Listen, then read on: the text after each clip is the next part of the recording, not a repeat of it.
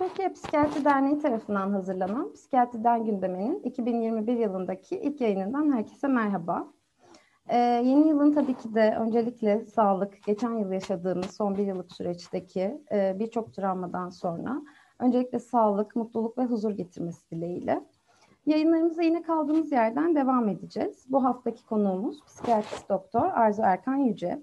Kendisiyle biraz özellikle yeni yılın son günlerinde sosyal medyada da gündeme gelen, hayatımızın her alanında aslında karşılaştığımız, gördüğümüz, bazen kulak kapanan, bazen göz, gözler önünde yaşanan şiddet olayıyla ilgili bir takım e, konularda detaylı bir şekilde görüşmek istiyoruz. Hoş geldiniz hocam. Hoş buldum. İyi yıllar diliyorum size de, e, herkese yeni yıl güzellikleri ile barış, huzur ve sağlıkla gelsin dilerim hepimiz için. Umarım. Şiddette son bulsun dilerim tabii ki. Evet hocam, aynen. Ee, hocam şimdi öncelikle e, şiddet tanımıyla biraz başlamak gerekebiliyor belki. Yani çünkü bazen e, şiddet tanımı muğlaklaşabiliyor diyebiliyoruz. Yani şiddet deyince aklımıza belki de ilk olarak bir kişinin fiziksel olarak bir başka kişiye vurması, kırması şeklinde, kısıtlama şeklinde mi algılanıyor? Şiddet deyince ne anlayabiliriz? Hı hı. Şiddet aslında e, bir e, kişinin ya da bir canlının, bir ötekinin e, ruhsal ve bedensel bütünlüğüne yapılan her türden rahatsız edici davranışı şiddet olarak yorumlayabiliriz. Kişinin onayı ve rızası olmaksızın hı hı. E, onun e, ruh sağlığını etki edebilecek, moraline, psikolojisine etki edebilecek ya da küçük düşürecek e, ya da fiziksel, cinsel olabilecek olan, ekonomik olabilecek olan e, bir davranış. Şiddetin e, birden fazla türü var. E, en çok fiziksel olan e, gözle görülür olduğu için maalesef ki biraz o, o soyut düşünce, somut düşünce vardır ya biraz gözle görünce insanlar bazı şeylerin olduğuna daha çok inanıyorlar. Ki onu bile inkar edebiliyor insanın zihni. o yüzden en çok fiziksel şiddet ciddiye alınıyor ya da cinsel şiddet olduğunda ciddiye alınabiliyor. fakat psikolojik şiddetin, ekonomik şiddetin, e, yine e, en az e, diğerleri kadar onlar, hatta onlardan belki daha e, yer yer yaygın olduğunu söyleyebiliriz. Hı hı. Ee, şimdi birçok boyutu var aslında şiddetin. Ee, ancak böyle son zamanlarda da çıkan haberlerle birlikte birazcık daha aslında farkındalığın arttığı, artması gerektiği ya da belki de dayanışmanın en çok hani ihtiyaç duyduğumuz konulardan biri olan konu. Hı hı. Ee, ilişki içindeki şiddet durumuna bakacak olursak yani e, bununla ilgili neler söyleyebilirsiniz? Hı hı. Mesela pilot e, tanımı, taciz tanımı var. Hani bunlarla ilgili neler denilebilir? E, şimdi e, şiddet aslında e, en çok yakınlarımızdan geliyor. Neredeyse yüzde yetmiş ile doksan oranında e, şiddet e, uygulayan kişilerin e, maruz kalanın e, tanıdığı olduğunu biliyoruz. Bu aile üyesi olabilir, eşi olabilir, eski eşi olabilir, şimdiki ya da eski partneri olabilir e, ya da e, e, ailenin e, yakınlarındaki bir başka kişi olabilir. E, dolayısıyla bu o, ilişki dediğimizde pek çok ilişki biçimini kapsıyor. İş ilişkilerini, romantik ilişkilerimizi, aile ilişkilerini e, rom, ve e, arkadaşlık ilişkilerini de kapsayabiliyor. Şiddet her yerde. En çok aslında aile içinde başladığını görüyoruz. E, şiddet uygulayan e, kişilerin e, büyük oranda şiddetin bir çözüm olarak, bir sorun çözme yöntemi olarak uygulandığı ailelerde ya da toplumlarda büyüdüğünü, bunun normal bir davranış gibi görüldüğü, hı hı. ötekine zarar vermenin, işte egemenlik sağlamanın, sindirmenin, güç uygulamanın, baskı uygulamanın normal sayıldığı, geçerli sayıldığı, aile ya da toplumlarda büyüyen kişilerin e, şiddet uygulama davranışını daha sık sergilediklerini görüyoruz. E, dolayısıyla e, birçok ilişkide de şiddetin çeşitli biçimleriyle karşı karşıya gelebiliyoruz. Hı hı. Cinsel şiddet yine çok yaygın görülen bir biçimi aslında ama en saklanan, en gizlenen biçimi olduğu için toplumsal tabular gereği de maruz kalanın utanç ya da suçluluk hissetmesiyle ilgili de örneğin e, çocuk istismarlarında failin e, büyük oranda babalar olabildiğini, biyolojik babalar olduğunu e, görebiliyoruz ya da istismara maruz kalan e, çocukların e, gebe kaldıklarında e, biyolojik babaların e, fail olduklarını e, görebiliyoruz. E, dolayısıyla e, aslında e, çok o, fark ettiğimizden, gördüğümüzden farklı e, katmanlarda var e, şiddet. Örneğin e, pek çok e, evli e, kadın e, eşinin e, kendi rızası olmaksızın onu e, ilişkiye zorlamasını ya da evlilik içi e, tecavüzün suç olduğunu on kadından üçü bilmiyor örneğin. Hı hı. E, dolayısıyla e, birçok kişi bu tür e, programları izlerken işte bu tür bilgilendirme e, metinlerini ya da haberleri okurken ya da kitapları okurken bir filmdeki bir sahneyi izlerken şey diyebiliyor. Aa ben meğer şiddete uğruyormuşum. Aa meğer ben e, ilişkimde şiddet görüyormuşum ya da işte bu konuştuklarınız, bu anlattıklarınız benim eski eşimi, eski partnerimi anlatıyor diyebiliyor. O yüzden hı hı. E, neyin şiddet olup neyin şiddet olmadığını hepimizin bilmesi gerekiyor. E, taciz, kur, flört, e, onay, rıza kavramlarından belki biraz bahsetsem e, evet, iyi hocam. olur. E, şimdi e, ne yazık ki sosyal medyanın da e, erişimi birbirimize kolaylaştırmasıyla e, bir takım kişilerin ilişkiyi başlatmak için çok doğrudan, çok kolay yoldan mesaj göndererek ya da işte sosyal medyadaki hesaplarımızdan birbirimize yazarak E, flört başlatma çabalarının olduğunu görüyoruz. Ne yazık ki dememin nedeni şu aslında sosyal medya gibi platformlar bizleri bir araya getiriyor. Özellikle bu pandemi günlerinde e, hem, paylaşım hem dayanışmayı bilgi alışverişini de artırıyor. Fakat hani eskiden vardır ya bir bakışırsın, işte sonra bir karşılaşırsın, bir sohbet edersin ya da işte birilerinin sizi tanıştırmasını beklersin. Sonra belli bir hukukunuz olur, bir sohbet edebilecek e, bir zemininiz olur. Sonra işte hı hı. Bir kahve içmek, bir şeyler içmek, bir sohbet etmek için teklif edersiniz ve öyle öyle ilerler. Adı teklif olmasa bile bir geleneği vardır. Bir dansta da öyle değil mi? Bir ritim vardır. E, günümüzde ben bunun ben değil sadece pek çok kadın da bunu yaşıyor. Bizler uzmanlar da gözlemliyoruz. Bunun çok atlandığını artık insanların doğrudan hani şiiri, aşk mektubu her şeyi hazır, evlenme teklifi bile hazır bir şekilde matbu birbirine mesajlar gönderebiliyorlar. Ya da ilişkiye davet etmekte acele edebiliyorlar. E, ve e, bunu bir flört gibi görebiliyorlar. Flört dediğimiz şey aslında iki kişinin birbirinden hoşlandığı, birbirine bir çekim hissettiği, hı hı. bir arada gelmek için heyecanlandığı, heveslendiği karşılıklı bir durumdur. Hı hı. E, ilişkiyi başlatan bir şey olabildiği gibi aynı zamanda bir ilişki biçimidir de flört. Yani hı hı. biz flört ediyoruz denilir ya da flörtüm denilir hani sevgilim gibi e, ifade etmek için. E, kurla um, tacizi çok karıştırabiliyor insanlar. Şimdi erkekler ve kadınlar diye böyle heteronormatif bir biçimde ikiye bölmek istemem ama e, hem e, heteroseksüel ilişkilerde hem e, LGBT'ler arasında da e, şiddeti, tacizi, bu tür e, rahatsız edici davranışları e, uygulayabildiğini görüyoruz insanlar ama çok büyük bir e, ço e, kısmı e, burada olaylar sırasında failin erkek olduğunu ya da bu eril sisteme e, paralel yetişmiş, o sistemi içselleştirmiş, e, o erkek egemen sistemi benimsemiş kişiler olduğunu görüyoruz ve hı hı. E, bu türden ilişki kurma biçimlerine bir kur olarak dayatabiliyorlar. Oysa ki kur olduğunda kur yaptığınız kişinin hoşuna gider. Hoşuna gitmiyorsa da sizi e, reddeder. Bu kibarca olabilir, kabaca olabilir. Bu tabii kişinin tasarrufundadır ama e, biz şunu görüyoruz e, özellikle son zamanlarda. E, kur yapıldıktan sonraki aşamada reddedilmesine rağmen bu red mesajını algılayamıyor insanlar, erkekler. Hı hı. Ve tekrar tekrar yazmak, e, tekrar tekrar görüşme talep etmek ve reddedildikten sonra da öfkelenerek küfür, hakaret etmek, kişiyi rahatsız etmek şeklinde bir şey gösterebiliyorlar, sergileyebiliyorlar. E, ya da ısrarlı takip dediğimiz işte kişinin sürekli karşısına çıkma, çiçek gönderme, dijital ortamlardan rahatsız etme. E, şimdi e, çok duyduğumuz bir şey. O zaman hocam biz hiç flört edemeyecek miyiz? Siz işte hı hı. çok ahlakçı evet. bir bakış açısına sahipsiniz. İşte biz e, böyle de iletişim kuramayacaksak nasıl iletişim kuracağız? E, o zaman iletişim kurmanın daha incelikli yollarını araştırmak gerekiyor. Yani sizin yaptığınız jest, iltifat, girişim karşıdakinin hoşuna gitmiyorsa zaten o zaman sizin yönteminizde bir problem var demektir. Buradaki ısrarı anlamak çok güç. Hı hı. Yani ben bu yöntemi uygulamaya devam edeceğim. Sen de hoşlanacaksın bakış açısı. Aslında şeyden çok farklı değil. İşte e, boşanma davası açtığında öldürülen o kadın cinayetlerinden hı hı, ya da hı. E, teklifini kabul etmediği, ilişkisini kabul etmediği, ilişkiyi kabul etmediği için yüzüne kezzap atılan kadınlardan çok farkı yok. Onun belki çok daha hafif bir e, formu gibi görünüyor ama ısrarlı bir biçimde iletişim kurma, kişiyle birlikte olma çabasının flört değil taciz olduğunu söylemek istiyorum. Burada yine gözden kaçan şeylerden bir tanesi ben çok kibarca yazdım. Ben aslında iltifat yaptım. Saygımı, hı hı. çizgimi hiç bozmadım.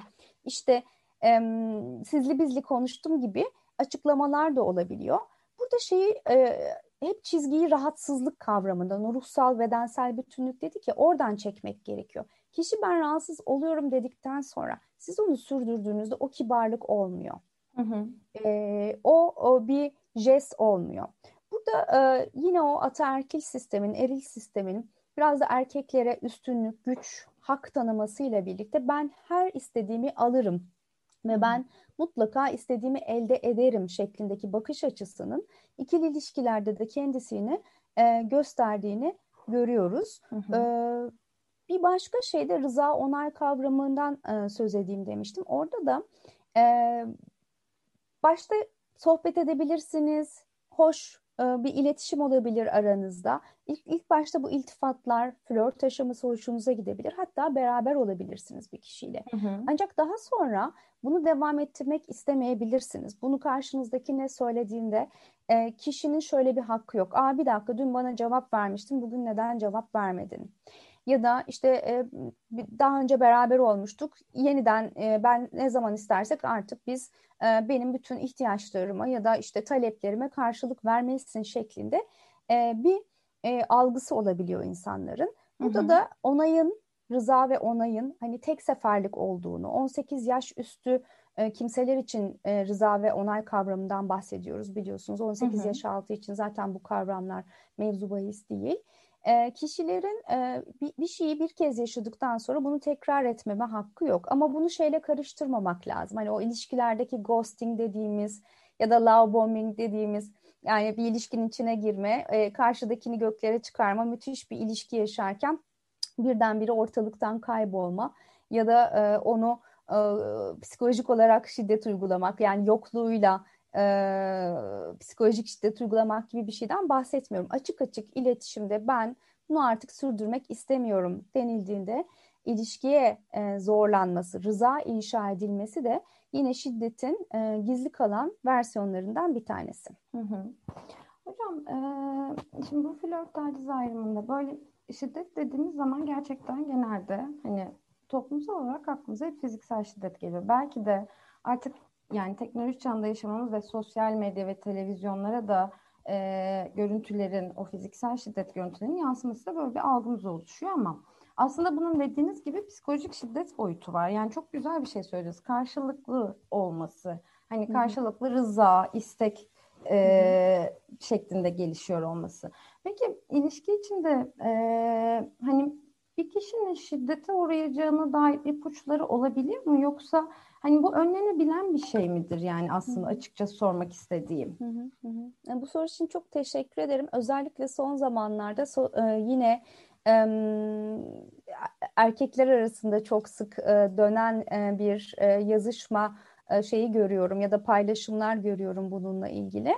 E, neden kadınlar e, işte e, şiddet e, uygulayan adamlarla birlikte oluyorlar? Neden e, tırnak içinde işte bu psikopatları e, seçiyorlar. E, madem e, işte böyle insanlar olduklarını görüyorlar, e, neden e, onlarla birlikte oluyorlar gibi. Hı hı. E, bu bir başka boyutu. Bir başka şey de iş, e, işaretleri e, görememekle ilgili. Yani şiddet uygulayacağını kestirebilir miyiz bir insanın?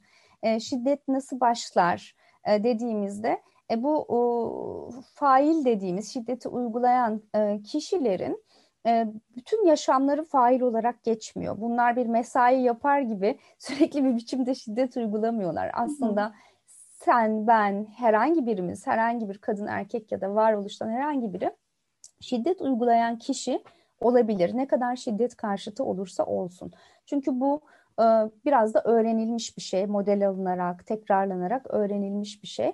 Hatta bunu şeye benzetiyorlar literatürde E, örneğin e, sigara içiyorsunuz, işte akciğer kanseri olmakla ilgili bir geni, genetik yüklülüğünüz var. O sigarayı içtiğiniz zaman o kanser ortaya çıkabiliyor ama bir genetik yüklülüğünüz olmadığı zaman sigara içseniz bile kanser olmayabilirsiniz. Ya da e, anne babası, ebeveynleri sigara içiyor olan e, çocukların her hepsi e, büyüdüklerinde sigara içmiyorlar ama bu sigara içme davranışını öğrenmiş oldukları ve hayatlarının herhangi bir dönem, döneminde sigaraya başlayabilecekleriyle ilgili böyle Hı-hı. bir kolaylaştırıcı e, olduğu ile ilgili bir bilgi var. Yani biz e, bu davranışları sergilemeye yatkın bir ailede büyüyorsak ya da bir çevrede büyüyorsak bunu yapmaya meyilli bir tarafımız varsa öfkemizi kontrol etmekle ilgili, e, sorun çözmekle ilgili e, sağlıklı yollar izleyemiyorsak hepimizin böyle bir şiddet davranışını sergileme potansiyelimiz var. Hı hı. E, ama e, ilişkilerde biz hani neye dikkat edelim, nasıl uyanık olalım, kimler e, şiddet uygular dediğimizde e, tam bir profil olmamakla birlikte hı hı. E, daha önce e, şiddet uygulamış olan kişilerin e, uygulama potansiyeli olduğunu söyleyebiliriz. Bu noktada da hep görüyoruz ya işte e, falanca kişiyi işte kadın cinayeti işleyen şu fail e, işte bir önceki e, eşine de şiddet uygulamaktan şu kadar kere uzaklaştırma almış gibi şeyler var. Yani hı hı. E, kişi eğer e, şiddet e, eğilimi var ve bununla ilgili rehabilite olmadıysa bir terapi, hı hı. bir e, bunu değiştirmekle ilgili farklı davranmakla ilgili bir destek, yardım almadıysa kolay kolay değişmiyor. Yani öncesinde şiddet uyguladığı bilinen kimselerin devam hayatlarının devamında da şiddet uygulama riski var. Yine silah taşıyan, alkol madde kullanımı e, problemli olan, e, gö, e, göç bölgelerinde e, yoksulluğun olduğu, çeteleşmenin olduğu e, bu türden e, durumlarda e, yine şiddet uygulama davranışının e, arttığını e, ve şiddete maruz kalma riskinin arttığını da e, görebiliyoruz. Hı hı. E, yine kalabalık ailelerde e, şiddetin bir sorun çözme biçimi olarak görüldüğü e, durumlarda bunun çok kolaylıkla e, uygulandığını görüyoruz. Kişiler e, eğer ki e, partnerleri ya da eşleri ya da ailelerinden biri e, çok kısıtlayıcı davranıyorsa bu kıskançlık olabilir, giysilere karışmak olabilir, ekonomik harcamalara karışmak olabilir, gidiş geliş saatlerine karışmak, okumasına, çalışmasına engel olmak olabilir, arkadaşlıklar kurmasına engel olmak olabilir, sosyal medya hesaplarını kontrol etmek, istemek, şifrelerini almak, maaş kartına e, el koymak, e, flört şiddeti dediğimiz o gençlerde daha çok e, gördüğümüz işte ilişkiye zorlamak ya da diğer insanların arasında küçük düşürmek, e, eşya tekmelemek, telefon fırlatmak, duvar yumruklamak, kapıları çarpmak hani bu türden davranışlar varsa e, bunlar da e, şiddet e, riski olduğunu ve e, şiddetin daha da büyüyerek artarak biçim değiştireceğini, çok daha ağır e, sonuçlanabileceğini gösteren işaretler olarak söyleyebilirim. Hı hı. Aslında tam da sormak istediğim şeyi de açıkladınız bir yandan. Ee, şimdi normal bir davranış olarak görülüyor bazen bu.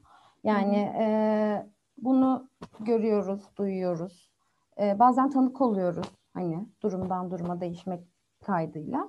E, ya, az önce bir şey de söylüyorsun hani psikopat, ruh hastası gibi şeyler Hı-hı. kullanılıyor. Neden hala olmasın? Ruhsal bir hastalık tanımına girebilen bir durum şiddet. Hı-hı. Ya da biz yani şiddet uygulamayı kendimizde hak mı görüyoruz? Hı-hı. Ee, evet bu haklılıkla ilgili bir, bir şey. Yine yani dönüp dolaşıp aslında hepsi toplumsal cinsiyet eşitsizliğine bağlanıyor. Hı hı. Yani en büyük kaynağı bu şiddetin. Çünkü toplumsal cinsiyet eşitsizliği ne diyor? İşte bazı kişilere güç bahşediyor. Diyor ki yetki bahşediyor. Sen bunları bunları yapabilirsin. İşte erkek adam ağlamaz. Hı hı. İşte e, kadınlar e, kırmızı ruj sürmez. Gece dışarıya çıkmaz. E, işte ev işlerini kadın yapar. İşte annelik kutsaldır. E, işte gelinliğine girersin, kefenine çıkarsın. Ee, karın senin namusundur. Eski karın da böyledir. İşte e, ayrıldığın eşin artık başkasıyla evlenemez gibi gibi birçok e, rol yüklüyor, birçok zorlu görev yüklüyor ve bu aslında hem erkekleri hem de kadınları zedeleyen bir şey. Hı hı. İşte bu e, toplumsal rolleri benimseyerek büyüyen e, kişiler e, ilişki e, içerisinde e, bir süre sonra bunu e, kaçınılmaz bir biçimde uygulamak zorunda kalıyorlar. Uygulamadıklarında onlar da kendi çevrelerinden e, dışlanabiliyorlar. E, tabii ki toplumu hastalandıran bir şey bu. Hepimizi hastalandıran bir şey ama bu bir e, rahatsızlık değil, bir hastalık değil, bir bozukluk. Hı hı. Şiddet uygulamak. Şiddet uygulamak bir suç. Ama hı hı. bazı rahatsızlıklarda e, böyle bir durum görebiliyoruz. Çok nadir. Şunu hemen söylemek isterim. Mutlaka bir şey olduğunda hemen psikiyatrik hastalıklar e, işte etiketlenir, damgalanır. Şizofrenik evet. bozukluklar, bipolar bozukluklar e, gibi bozukluklar hemen en ufak bir şiddet e, olayı olsa gazetelerde haber olur. Hı hı. Oysa ki bu rahatsızlıklarla ilgili yapılan araştırmalarda toplumun genelinden daha yüksek olmadığı gösterilmiştir. Evet. Şiddet uygulama e, risklerinin toplum genelinden e, yüksek olmadığı biliniyor. E, o yüzden de e, bir hastalık demek, bir e, ruhsal rahatsızlık demek e, psikiyatrik zorluk yaşayan, bu konularda e, rahatsızlık yaşayan kimselerin etiketlenmesine ve incinmesine neden olabiliyor. Tıpkı ırkçılık e, gibi, ırkçılık da bir hastalık değildir. Hı hı. Şiddet de bir hastalık değildir. Ama psikiyatri, psikolojinin ilgi alanlarından bir tanesidir. Hem e, toplumsal e, boyutlarıyla e, toplum psikolojisi olarak hem psikiyatrik tedavi hem de terapi anlamında kişilerin ve ailelerin artık şiddeti uygulamayacak bir biçimde rehabilite olmaları, bu konuda yardım almaları mümkündür. Belki kafayı karıştıran şey bu olabilir. Yani bu kişiler gitsin yardım alsın denildiğinde ya da benim şiddet eylemim var ya da ben ailemden şiddet gördüm, kızıma vurasım geliyor, eşime el kaldırıyorum, kocama psikolojik şiddet uyguluyorum, hı hı. E, erkek arkadaşımla bağ kuramıyorum, işte kadınlarla yakınlaşamıyorum gibi pek çok şikayetle gelen bizlere insanların aslında e, şiddet uygulayan ya da şiddet gören olduğunu görebiliyoruz. Yani şiddet evet psikiyatrinin, psikolojinin bir konusu ama bu bir hastalık değil. Hı hı. E, bunun altını e, çizmek isterim. Hı hı. E, ama e, antisosyal kişilik bozukluğu, narsistik kişilik bozukluğu gibi haklılık şemasının e, yüksek olduğu, empati e, e, yapamayan, karşıdakine empati e, yapamayan kişilerde bu türden e, kişilik bozukluğu olan kimselerde şiddet uygulama davranışının daha yüksek olduğunu görüyoruz. Hem etraflarına hem de kendilerine. Hı hı. Ee, maruz kalan kişilerle şiddete maruz kalan kişilerin de damgalanması yani belki biraz da ötekileştirilmesi Hı. yok sayılması gibi bir durum yani Hı. sıklıkla karşılaşıyoruz bununla. Ee, şöyle şeyler duyuyoruz ya da okuyoruz. Ee, ama sen de hak ettin. Ama sen de bile bile devam ettin. Ama Hı. sen de aynı şiddet içinde yani bunu gördüğün halde bu ilişkiyi sürdürdün gibi e, yorumlar yapılıyor. Birçok yerde konuşuluyor bu durum. Şimdi iki Hı. açıdan sormak istiyorum. Birincisi acaba insan zihni gerçekten dediğiniz gibi şiddeti inkar edebiliyor mu? Ya da biz bazen gerçekten bunu bilmiyor muyuz? Bununla ilgili neler söyleyebilirsiniz? Hı hı. Ee, insan zihninin e, tabii ki bir şokla karşılaştığı zaman, travmatik bir yaşantıyla, istenmeyen bir durumla karşılaştığı zaman savaş, kaç ve dona kal şeklinde üç tür e, tepki gösterdiğini biliyoruz. Yani durumla aktif bir biçimde mücadele etmek, hani sana vuran bir kişiye senin de vurman hı hı. ya da seni kovalayan bir kişiden kaçman ya da dona kalman, dizlerinin bağının çözülmesi, sesinin çıkmaması ve olay sırasında büyük bir şaşkınlık ve dumur yaşayarak hiçbir şey yapamadan kala kalmak gibi bir durum olabiliyor. Cinsel istismarda da bu böyledir, çocuklarda da bu böyledir, erişkinlerde de böyledir.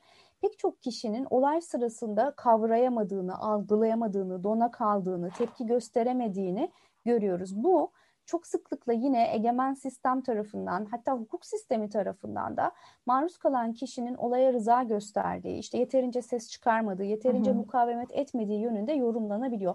Bence en büyük sorunlardan bir tanesi bu.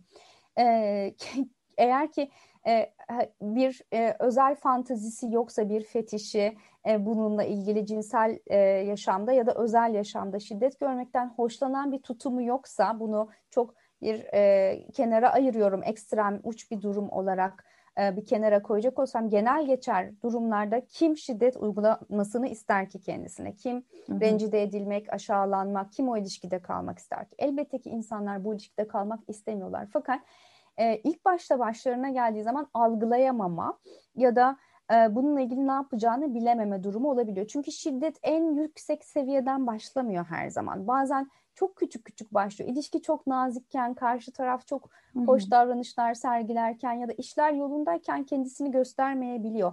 Ne zaman ki o haklılık peşinde koşan kişinin istedikleri yapılmıyor, ne zaman itiraz edilmeye başlanıyor, ne zaman e, tahakküm sağlayamadığı yerde, gücünün yetmediği yerde e, güç baskı artırmak istiyor o zaman devreye girebiliyor. Yani yavaş yavaş artmış oluyor. Bu yavaş yavaş arttığında bu iş yerindeki bir hocanız olabilir, e, işte e, doktorunuz olabilir, terapistiniz olabilir, e, bir akrabanız olabilir, aile içi ensestöz bir durum olabilir. Her ne ise bu durumda e, bir tepki verirken kime tepkimi anlatacağım? Yani ben bu kişiyi nasıl durduracağım? Ben bunu kime anlatacağım? Bana inanırlar mı?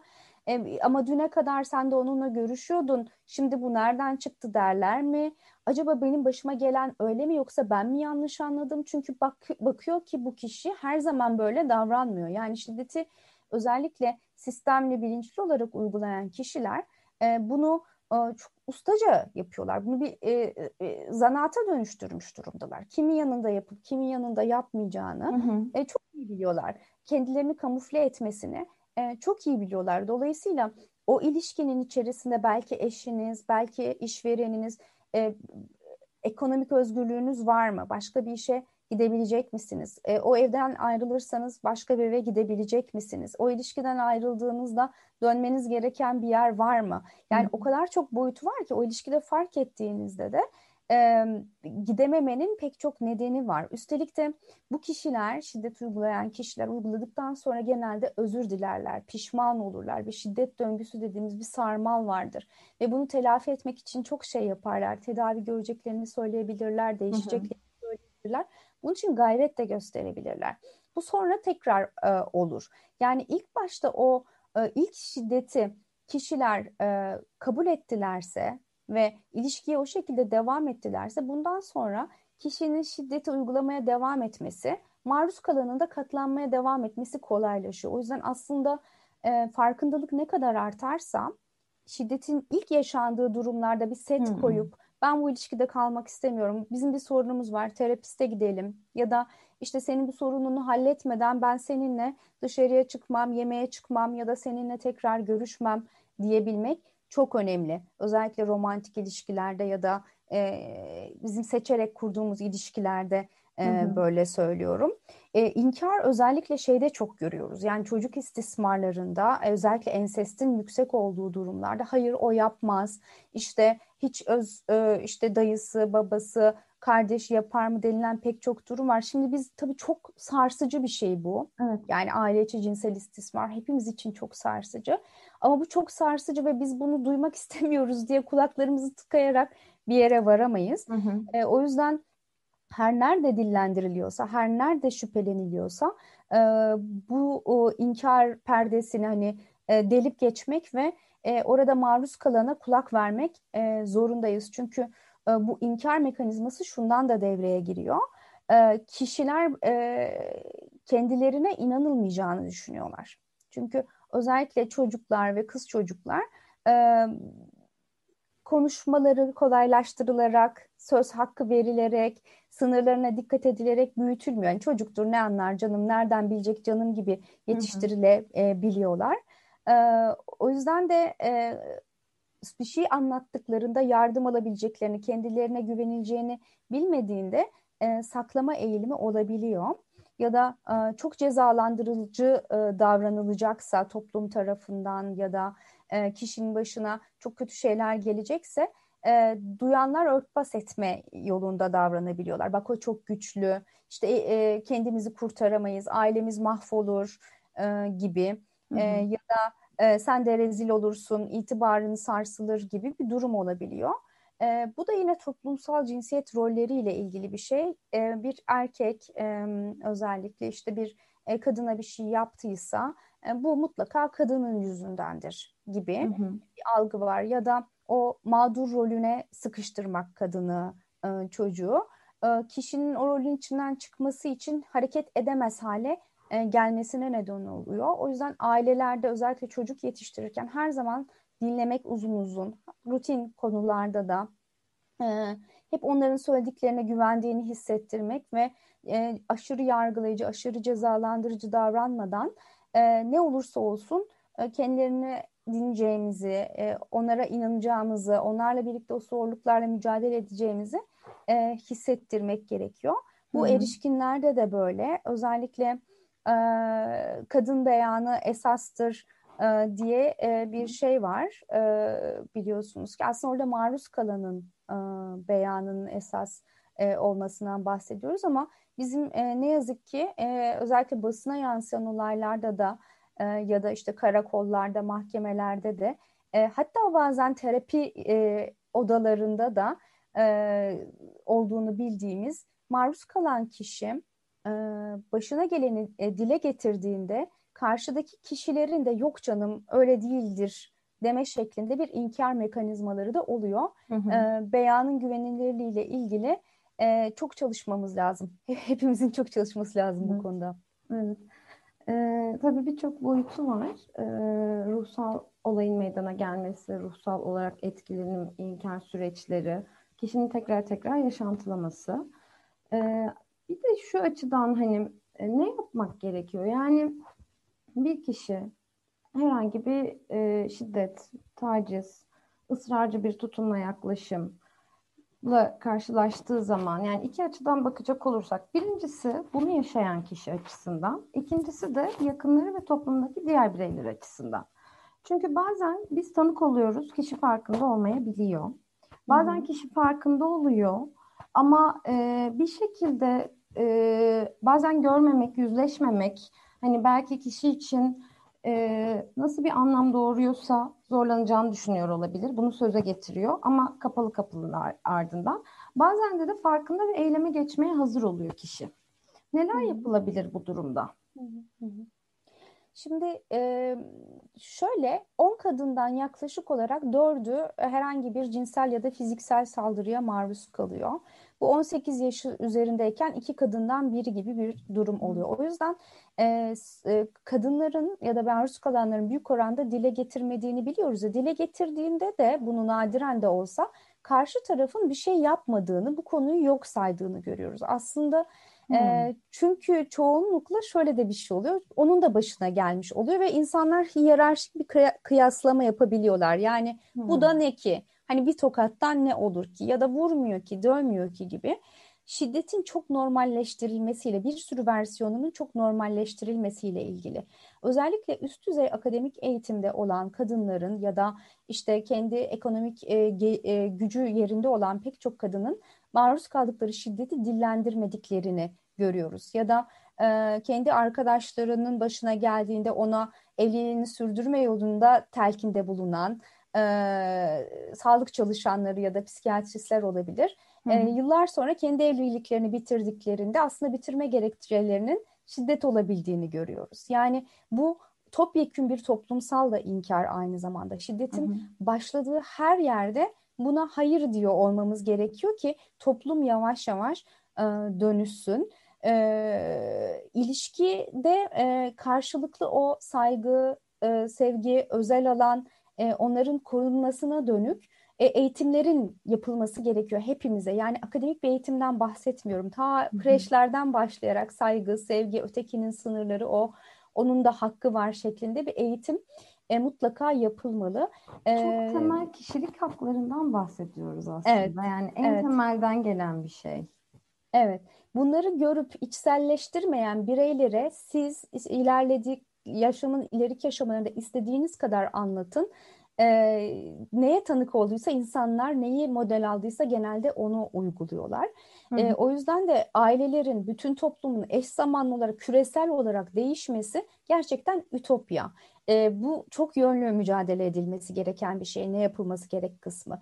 O yüzden şiddet uyguladığını düşünen, uygulandığını düşünen ya da düşünmeyen, fail olan, olmayan, herkesin oturup bu işte fiziksel şiddet neymiş, psikolojik şiddet neymiş, ekonomik dijital şiddet neymiş, kur neymiş, flört neymiş bunları bir oturup hepimizin tekrar çalışması, tekrar okuması, tekrar öğrenmesi gerekiyor. Bizler de bu alanda çalışan insanlar olarak tekrar tekrar okuyoruz, hı hı. tekrar tekrar bakıyoruz. Özellikle bu ifşa hareketleri, Me Too hareketlerinin gelmesiyle evet. birlikte ne, nasıl yapılmalı hepimiz gözden geçiriyoruz. Yani bunu şunun için söylüyorum. Kişi bize şiddet görüyorken geldiğinde biz buna tanık olduğumuzda ne yapabilirizle ilgili e, kısmını söyleyeceğim ama ondan önce de yani toplum olarak bu konularda biz hepimizin farkındalığı yüksek olmalı ki karşımızdaki bir şey yaşadığında bunun bir sorun olduğunu biz de fark edebilelim ve Hı-hı. ona söyleyebilelim. Mutlaka terapi ortamındaysak ya da sağlıkçıysak e, sormamız gerekiyor. Karşıdaki kişiler sorulmadığı zaman söylemiyorlar şiddet gördüklerini. Çocukluk çağı yaşantılarını taciz, istismar, ensest var mı mutlaka uygun bir e, ortam oluşturup, güvenli bir ortam oluşturup kişiyi yalnız gördüğümüz bir sırada sormamız gerekiyor. Yani yanında fail olma potansiyeli olan bir ebeveyni ya da e, partneri varken siz onu sorduğunuzda kişi inkar edecektir ki normalde bile inkar edebiliyorlar. Hı hı. E, bunu sormak bile bunun olabileceğini, bunun yaygınlığını e, hissettirmek olur. Yalnız olmadığını hı hı. hissettirmek olur kişiye ve şunu da hissettirmiş olursunuz. Ben seni duyacağım. Ben sana inanacağım. Sen bir şey söylediğinde ben bunu önemseyeceğim ve bununla ilgili sana yardım etmek için ben buradayım mesajı vermiş olursunuz. Bu ne kadar konuşulursa bu konu, ne kadar dillendirilirse, ne kadar örtbas etmekten uzaklaşılırsa o kadar yardımcı olabiliriz. Hı hı. Kişilere söylediğimizde biz, bizler işte terapi ortamında çalışırken görüyoruz. Bunu kabul etmeme, inkar etme, yok sayma eğiliminde olabilirler ya da fark etse bile bunun içinden hemen çıkamayabilirler. Biz hekimlerin de terapistlerine bir kurtarma fantezisiyle hemen kişinin hayatına girip onu değiştirmek isteme gibi bir tarafımız olabiliyor. Çünkü gerçekten çok zor katlanmak bir insanın başına bunlar geldiğinde onun onu çekmeye devam etmesini kimse istemez.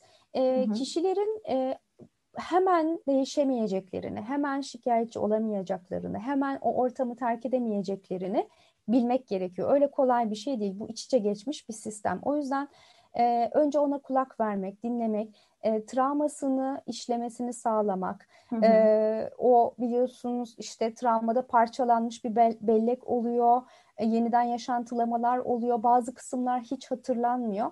O yüzden olayı bir anlaması, kendi hikayesini yazması, başına bu gelen şeyleri niye yaşıyor, bu karşıdaki hangi kozları kullanarak ya da hangi mekanizmaları kullanarak ona şiddet uyguluyor. Sonra o, o durumdan kurtulmak için neler yapabilir? Hı hı. E, nasıl destek sistemleri artırılabilir? Bütün bunları e, çalışmadan siz kişiye boşan, işte o iş yerinden ayrıl, e, sen de git şikayetçi ol diyemezsiniz. Çünkü hı hı. biliyoruz ki hukukta özellikle işte hepimiz görüyoruz basına yansıyan olaylarda işte 35 kere şikayetçi olmuş, uzaklaştırılmamış, öldürülmüş. Ya da işte hı. şikayetçi olmuş, delil yetersizliğinden beraat etmiş, afla salı verilmiş gibi şeyler çok fazla duyuluyor. O zaman ne oluyor? Ben ne yaparsam yapayım ta, e, çaresizim.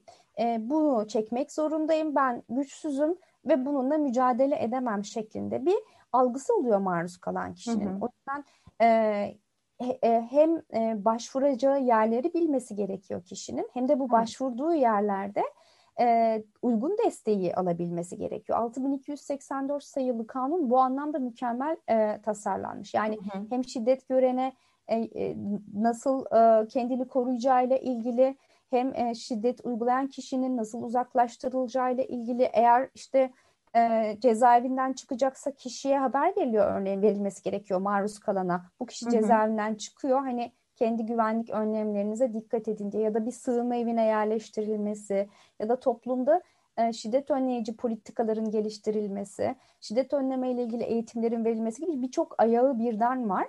Ama e, uygulanmadığı için bu basamakları dolayısıyla maruz kalan kişiler e, hareket kabiliyetlerini yitirmiş oluyorlar. Benim burada en çok vurgulamak istediğim şey e, bir de maruz kalanları yardım etmeye çalışanlar olarak travmatize etmemek gerekiyor. Hı hı. Yani e, zorlamak, hı hı. E, zorlamak, e, onu suçlamak, e, bazen e, şey olabiliyor işte Hani bu ilişkinin içinde nasıl kalırsın? Bu onursuzluk, gurursuzluk gibi suçlanabiliyor. Bu mağdur suçlayıcılık çok yaygın bir gelenek. Bu da şiddetin bir başka türü. Maruz kalan kişi zaten e, korunma mekanizmalarını yitirmiş, o öğrenilmiş çaresizlik dediğimiz durumun içerisine hapsolmuş durumda. Hı hı. Bir nevi felç olmuş gibi. E, bir de yardım aramaya çalıştığı ya da bu durumu paylaştığı kişiler tarafından suçlandırılıp, değersizleştirilip, eleştirildiğinde e, gidecek hiçbir yeri kalmamış oluyor. O zaman ne olursunuz? Bütün travmalar da böyledir. Yani bildik yerde kalmaya çalışırız. Hani kötünün iyisi, bildik hı hı. düşman bilmedik dosttan iyidir gibi o durumu korumaya çalışır organizma. O zaman kişi e, en azından bir nebzede olsa güvenli bulduğu ortamda kalmaya devam eder. Şunu biliyoruz, e, örneğin çocukluk çağında şiddet gören kişilerin yaklaşık olarak yüzde kırkının şiddet görecekleri bir ilişki e, içinde olduklarını ya da şiddet uygulayan hmm. olduklarını görebiliyoruz. Yine hmm. bu toplumsal cinsiyet rolleriyle ilgili oğlan çocukların şiddet e, gördülerse kendileri ya da aileden birine, örneğin annelerine ya da kardeşlerine şiddet uygulandığına tanık oldularsa e, ileriki yaşamlarında şiddet uygulayan kişi olma riskleri yüksek. Kız çocuklarında şiddet uygulayan e, partnerlerin işaretlerini çözemediklerini görüyoruz. Yani kız çocuklar da büyüdüklerinde şiddet uygulayan eşlerle evlenmiş oluyorlar. Burada hani biraz önce de sözünü ettiğim suçlama tuzağına düşmemek gerekiyor. Hani sen kendin seçtin, kendin hı hı. tercih ettin gibi değil. Kişi tanıdık bir ortam biliyor. Diyor ki işte benim babam anneme bunun beş gömlek fazlasını yapıyordu. İşte şöyle dövüyordu, şununla dövüyordu bizi. Bizi işte yakmaya kalkışmıştı örneğin. O zaman erkek arkadaşımın e, benim sosyal medya hesaplarıma karışması o kadar da kötü bir şey değil diyebilir. Ya da bunu sevilme, ilgi, sahiplenilme olarak görebilir. Yani daha az birimde olan şiddetleri bir iyi özellik olarak görebilirler kıyasladıklarında. Hı hı hı. Ya da e, gitmeyi öğrenmedikleri için o ilişkinin içinde çok özellikle şey biliriz ya işte çocuklar için evliliğini sürdüren kadınlar, adamlar, işte ebeveynler e, ya da e, işte boşansa bile çocukları için yeniden kendine bir hayat kuramayan kadınlar yine toplumsal kurgular böyledir. Dolayısıyla e, o ailede büyüyen, o ebeveynlerle büyüyen çocuklar da şiddet gördüklerinde ne yapacaklarını bilerek, sağlıklı çözüm yollarını öğrenerek büyümüyorlar. Hı hı. E, onların o yolları bilmemesi çok normal. E, bizim eğer onlara yardımcı olmak istiyorsak alan açmamız, sabırlı olmamız, e, bazen e, evet biraz daha kendilerine bunu yapılmasının iz, izin verecekler belki ama e, eşlik etmemiz, tanıklık etmemiz ve ona doğru kaynakları göstermeye çalışmamız gerekiyor. O yüzden kadın e, dayanışma örgütleri var. E, o yüzden e, çok sayıda sivil toplum kuruluşu var ve gerçekten e, çok büyük özveriyle çalışıyorlar. Mutlaka şiddet gören kadın erkek, çocuk, her kim varsa e, bu türden hareketlerin e, bilgilendirme, eğitim, destek e, hizmetlerinden yararlanması gerekiyor. Hı hı hı. Ee, hocam yani tabii çok fazla konuşacağımız şey var ama e, ben son olarak bir de hukuki süreç başlatma hakları var. Terapiste bir hekime hı hı. başvurma hakları var. İnsanların paylaşma özgürlüğü var aslında ama hı hı. E, örtbas edilen bir durum. Ancak bazen şöyle e, ifşa etme şeklinde gündeme geliyor. Ve hı hı. bu durumda e, sosyal medyada paylaşımlar olabiliyor. E, bunlar kişinin e, bir yardım çağrısı mı oluyor? Yoksa kişi bu ifşa durumlarından zarar göreceğini düşünüp daha da mı sessiz kalabiliyor? Bunlarla ilgili ne söyleyebilirsiniz? Şimdi e, şiddet gördüğümüzü fark ettiğimizde ya da biri şiddet gördüğünde e, bizim e, kişinin kendisinin de ihbar hakkı var. Bizim de ihbar hakkımız var. Örneğin bir çocuksa 183'e bildirebiliriz. Hı hı. E, eğer e, tabii ki terapisti, doktoru, hekimi değilsek e, bir başkasının zarar gördüğü bir durumda e, yine e, adli kurumları, kolluk kuvvetlerini e, bilgilendirebiliriz. Ama tabii ki danışan terapist hasta hekim ilişkisi içerisinde kişinin eğer et, yetişkinse e, oradaki iznine e, tabi olmak zorundayız. E, kişilerin 112'yi, 155'i arama, KADES gibi uygulamaları e, kullanarak işte yardım aramaları e, gerekir öncelikli ilk adımda ya da e, hukuki olarak baroların ücretsiz destek hattı vardır. Hemen sizin bir avukatı aramanız, gidip e, şiddet uygulayan kişiyi şikayet edeceğiniz ve bununla ilgili bir şey yapmak zorunda olduğunuz anlamına gelmiyor ama haklarınızı öğrenmek için bunu yapabilirsiniz. Yine kadın dayanışma örgütlerine başvurup bununla ilgili hı hı. ne yapabilirsiniz bakabilirsiniz. Bunları bütün bu aşamaları tamamladıktan sonra bir terapiste gitmek, bu konuda bir destek almak, işte yine sivil toplum kuruluşlarının ücretsiz psikolojik destekle ilgili yönlendirmeleri olabiliyor. Tüm bunları yaptınız ve e, yol kat edemiyorsunuz. Diyelim hı hı. ki faaliyet güçlü ya da hukuki süreçten dolayı zaman aşımına uğradı ya da e, manipülatif bir takım şeyler dönüyor. İşte biliyorsunuz biraz önce de söylerken faillerin bunu bir sanata dönüştürdüğü, zanaata dönüştürdüğü ve bunu çok ustalıklı yaptıklarını, çok sayıda kişiye çok uzun zamandır yapıyorlar ve belli bir güç ağı içerisinde oluyorlar. Zaten e, şunu da altını çizmek isterim. Özellikle cinsel şiddet e, cinsel zevk almak için yapılan bir şey değil. Yani orada da bir karşı tarafa güç uygulamak, zor uygulamak, Hı. zorlamak için yapılan bir şey.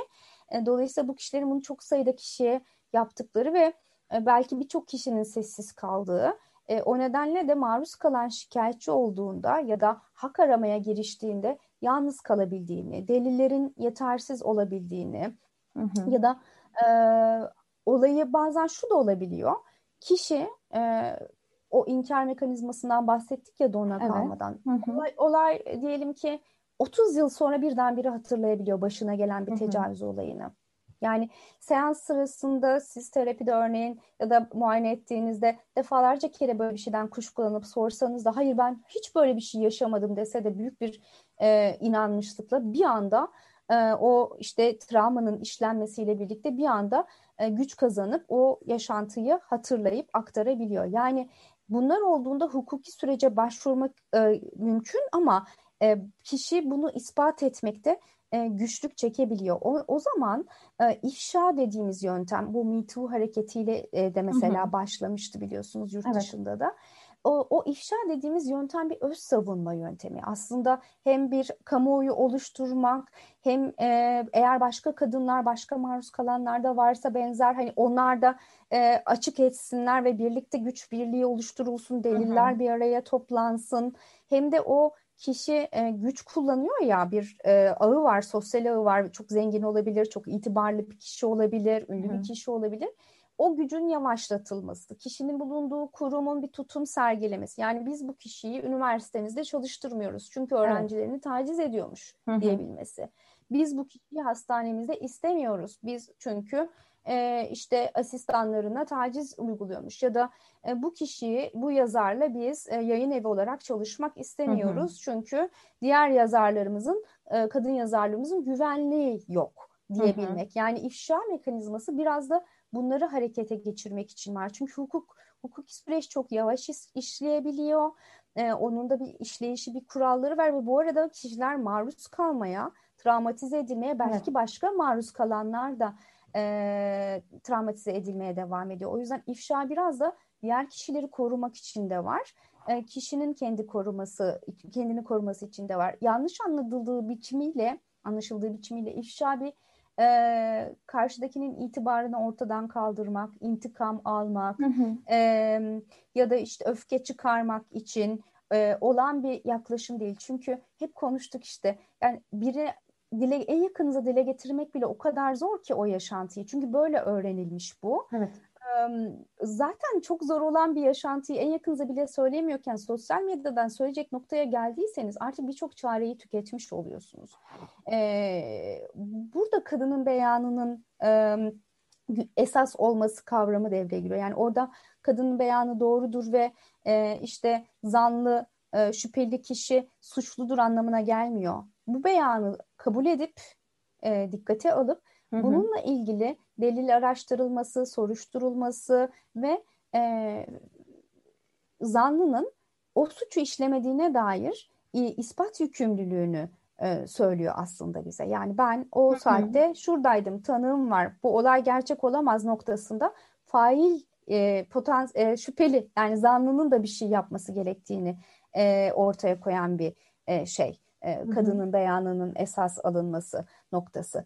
E, şimdi ifşa zaten zor dedik. E, o noktaya geldiyse çok zor dedik. E, ama gitgide kadınlar e, bunu tüm dünyada e, bir e, savunma hareketi olarak kullanmaya başladılar ve o sayede de pek çok şey değişmeye başladı. Ülkemizde de yakın zamanda yazar arkadaşlarımızın başına gelen e, cinsel e, saldırıları ve e, cinsel tacizleri açık etmesiyle birlikte aslında hı hı. ne kadar çok kişinin başına geldiğiyle ilgili pek çok şey e, paylaşım oldu e, ve e, çok da e, toplumsal e, yaptırımlar da oldu. Hukuki süreçte başladı zaten.